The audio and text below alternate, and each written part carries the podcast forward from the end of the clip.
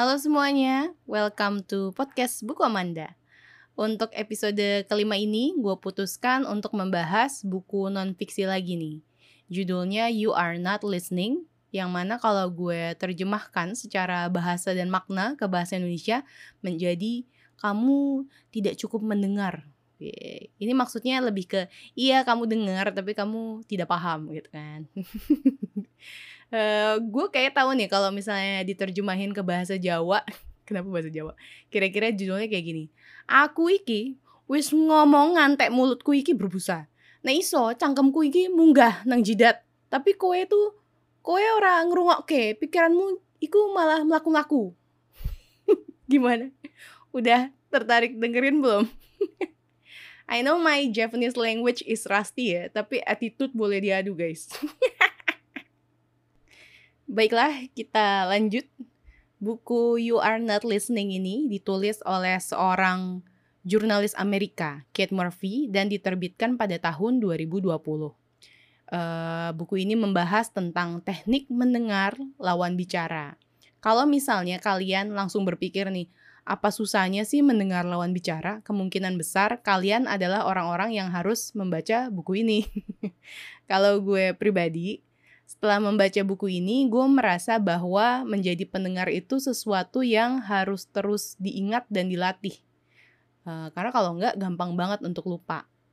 Uh, mari kita mulai dari motivasi.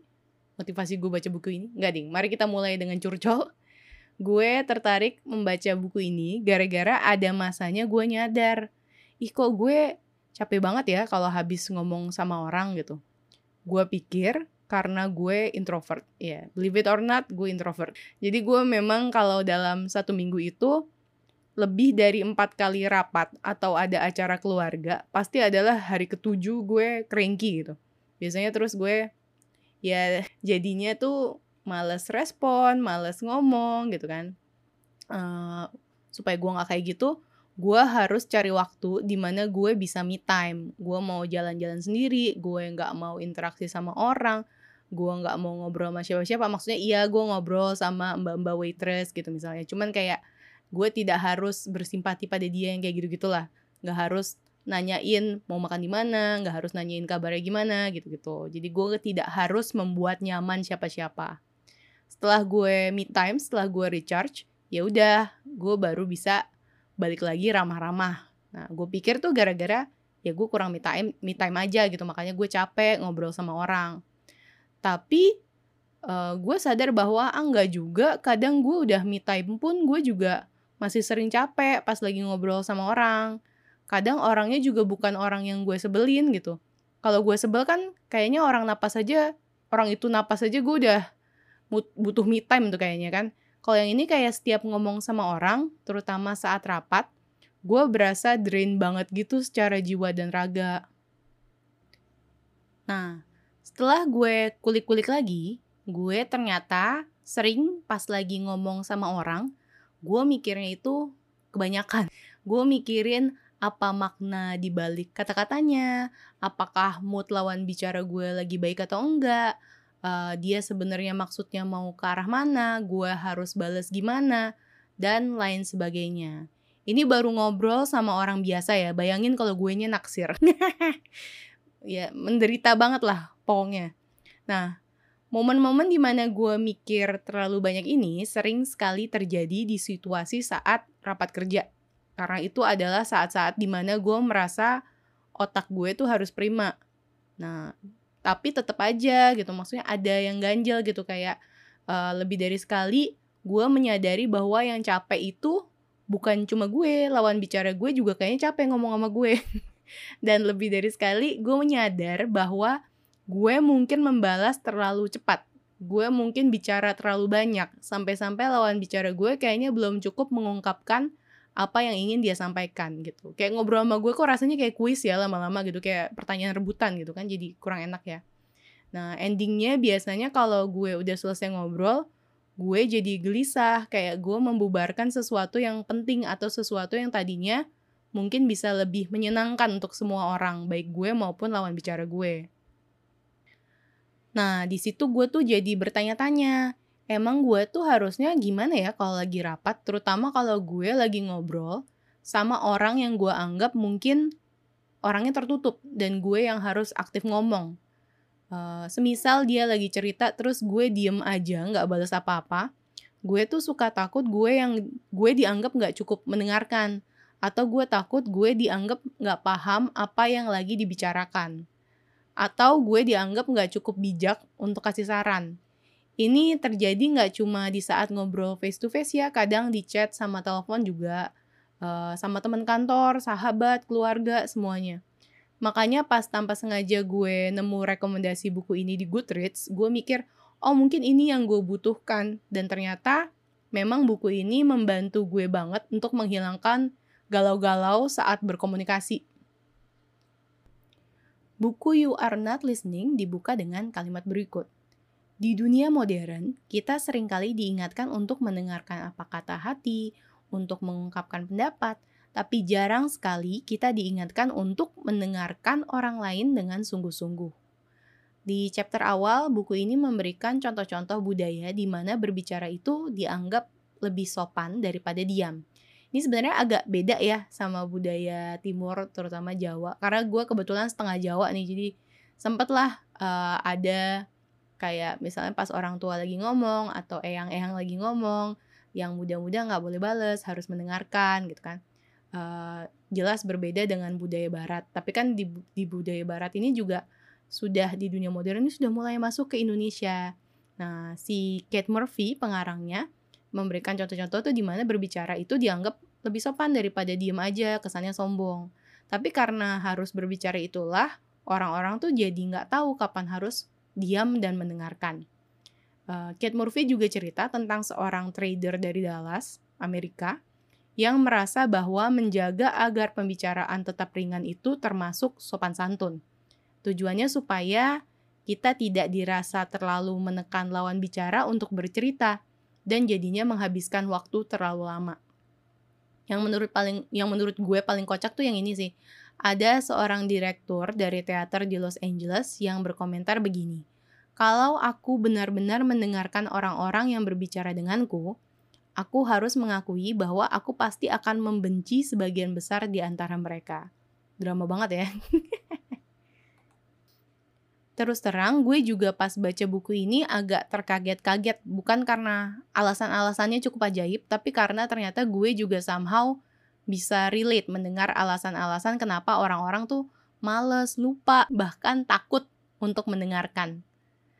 Uh, alasannya tuh biasanya merasa terlalu sibuk, tidak ada waktu, terlalu rumit, terlalu banyak hal lain yang dipikirkan, ada personal agenda, jadi kayak nggak bisa dengerin lo karena gue ada maunya nih lo mesti dengerin gue dulu tuh. Atau sesimpel ya nggak mau bersimpati aja.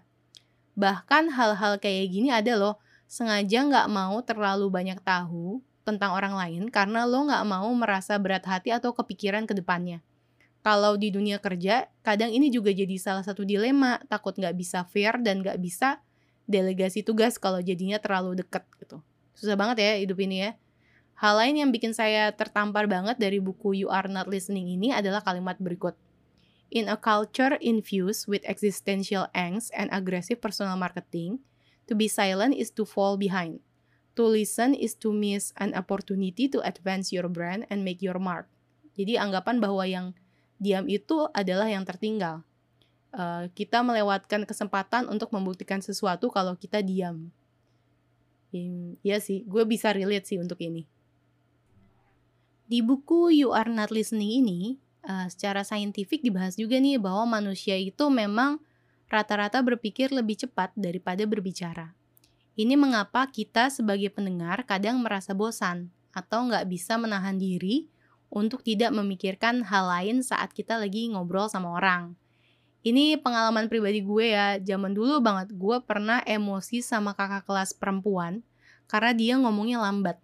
Ngomongnya kayak gini nih, iya jadi kalau untuk bagian yang ini sebaiknya dibuat seperti ini. Mungkin nanti bisa diajukan di minggu depan. Kayak gitu. Gue kok emosi banget.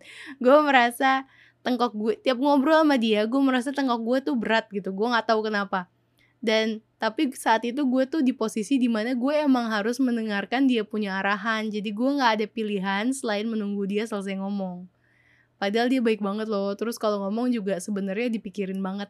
Mohon maaf ya kakak kelas gue anyway uh, ya itu adalah salah satu bukti di mana ya emang kadang mungkin ada kali ya orang yang ngomongnya lebih lambat banget kayak gitu. Tapi gue ada basicnya gue adalah orang yang kalau ngomong cepet banget.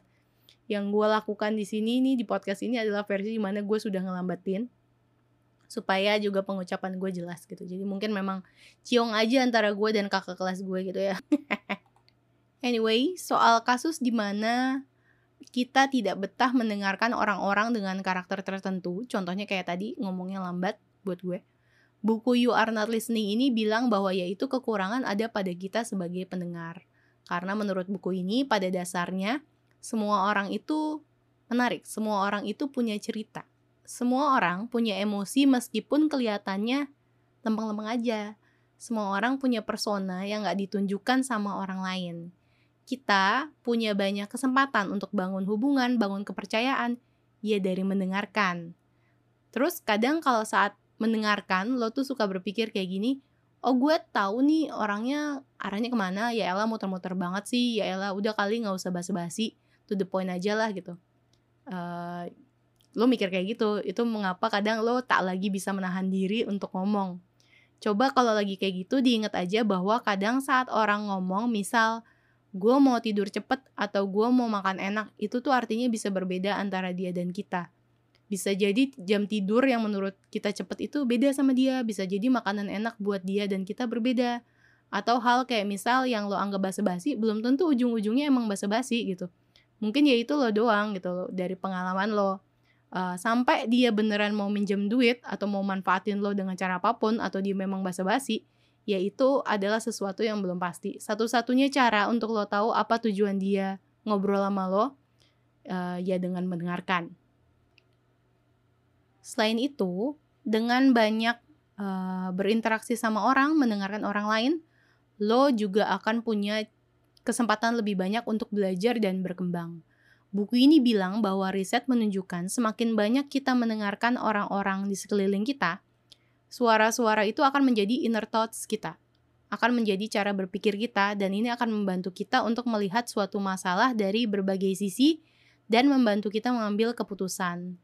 Ya, nggak tahu ya dengan kalian tapi gue kadang-kadang juga kalau misalnya gue lagi menghadapi hal-hal tertentu gitu baik itu berupa masalah atau sesuatu yang lucu kadang di kepala gue tuh ada suara emak gue suara bapak gue gitu suara ponakan gue suara sahabat gue gitu. Uh, dulu gue punya sahabat ya sampai sekarang masih sahabat sebenarnya dari zaman kuliah yang uh, dia ngebilangin gue macam-macam lah tentang dia pokoknya kayak dia kayak kakak perempuan gue. Sampai sekarang kalau misalnya gue ketemu situasi-situasi yang uh, mirip atau justru mungkin nggak pernah gitu kayak kejadian-kejadian masalah yang harus gue pecahkan suara dia yang muncul di kepala gue meskipun mungkin dia tidak pernah ngomong gitu cuman cara berpikir dia yang gue ambil gitu nah kalau misalnya kalian nggak betah dengerin orang ngomong karena takut kepikiran masalah mereka takut kepikiran kondisi mereka yang perlu diingat juga adalah bahwa mendengarkan masalah orang lain bukan berarti kita harus menyelesaikan masalah orang tersebut. Bahkan sering kali mereka tuh ngomong cuman mau ngomong aja, nggak nyari solusi, cuman pengen tong sampah aja. Kalau mereka mintanya didengerin, ya bantuan yang bisa kita tawarkan ya mendengarkan gitu. Anyway, ini kayaknya ada yang belum beres. Misal kalian jadi nanya, Kak gimana dong kalau misal kita bilang nggak tahu, terus orangnya bilang kok nggak tahu lo nggak dengerin gue ya? atau kita dibilang gak peka saat gak ada komentar apa-apa setelah orang lawan bicara kita cerita. Ini gue pernah ya zaman muda dulu gue ngatain orang gak peka gara-gara dia gak komen soal cerita gue. Iya maaf gue pernah setoksik itu padahal ya kalau gue pikir-pikir selama gue cerita tuh dia gak pernah motong dia emang dengerin aja gitu kan cuman ya ya gitulah ya gitu deh ya semua orang punya cara dan fasenya masing-masing dalam hidup kadang sesuatu yang lo anggap udah hadiah terbaik atau sikap terbaik yang bisa lo kasih sama orang lain itu belum tentu sesuatu yang mereka inginkan. Nah, that being said, emang pada dasarnya nggak akan pernah ada cara yang jitu untuk menyenangkan lawan bicara. Itu mengapa jangan dikejar gitu. Maksudnya kalau dia seneng ya bonus. Kalau dia nggak seneng ya udah lo jangan sedih gitu. Ya kalau kita mau berlatih menjadi pendengar yang baik tujuannya cukup untuk kita aja untuk lo aja gitu. Antara lo emang butuh skill tersebut untuk kerjaan untuk ne untuk networking untuk bangun hubungan yang baik sama orang lain atau kayak gue supaya gue nggak stres pas ngomong sama orang. Supaya gue bisa tahu kapan gue harus ngomong kapan gue harus diem dan gimana caranya gue mancing tapi nggak mendominasi pembicaraan gitu. Sama perlu enggaknya gue kasih saran di akhir. Ya PR gue emang banyak gitu yang gue pikirin banyak. Nah kalau gue coba rangkum dari buku You Are Not Listening ini yang tadi gue sampaikan itu tuh belum cukup. Tips menjadi pendengar yang baik itu kurang lebih sebagai berikut yang pertama ya, dan harus dicamkan mendengarkan itu seni bukan sains emang nggak akan ada rumus yang benar-benar saklek, nggak ada step by step yang jelas, nggak ada waktu rata-rata kapan harus ngomong gitu kan. Misalnya kita mencari waktu yang kayak kapan aku harus diam 5 menit sebelum aku mengajukan berikutnya gitu. Nggak ada gitu. Ini seni karena uh, beda lawan bicara ya beda cara lo treatmentnya gitu. Terus yang kedua, mendengarkan itu bukan nih ya dicamkan ya Mendengarkan itu bukan mengajarkan, bukan membentuk, bukan mengkritik, bukan memuji, bukan menunjukkan bagaimana sesuatu harus dilakukan. Mendengarkan itu bukan cuma sekedar kontak mata, ngangguk-ngangguk, bukan cuma tidak menginterupsi, bukan juga bisa mengulang apa yang lawan bicara katakan setelahnya. Mendengarkan itu benar-benar ingin tahu apa yang dipikirkan oleh lawan bicara kita. Kalau misalnya kelihatannya lawan bicara kita butuh di encourage, di didukung gitu ya, dibantu untuk supaya dia bisa nyaman bercerita, kita bisa cukup kasih pertanyaan-pertanyaan atau respons yang sekiranya membuat mereka mau ngomong lebih banyak gitu. Bisa dicoba pakai open ended question. Tahu kan ya itu gimana ya gue jelasinnya? Pokoknya jangan kasih asumsi lah. Instead of contohnya gini, instead of nanya, "Oh, lo pasti sedih dong ya, terus gimana?" gitu. Itu kan ada asumsi ya lo berasumsi kalau dia sedih gitu.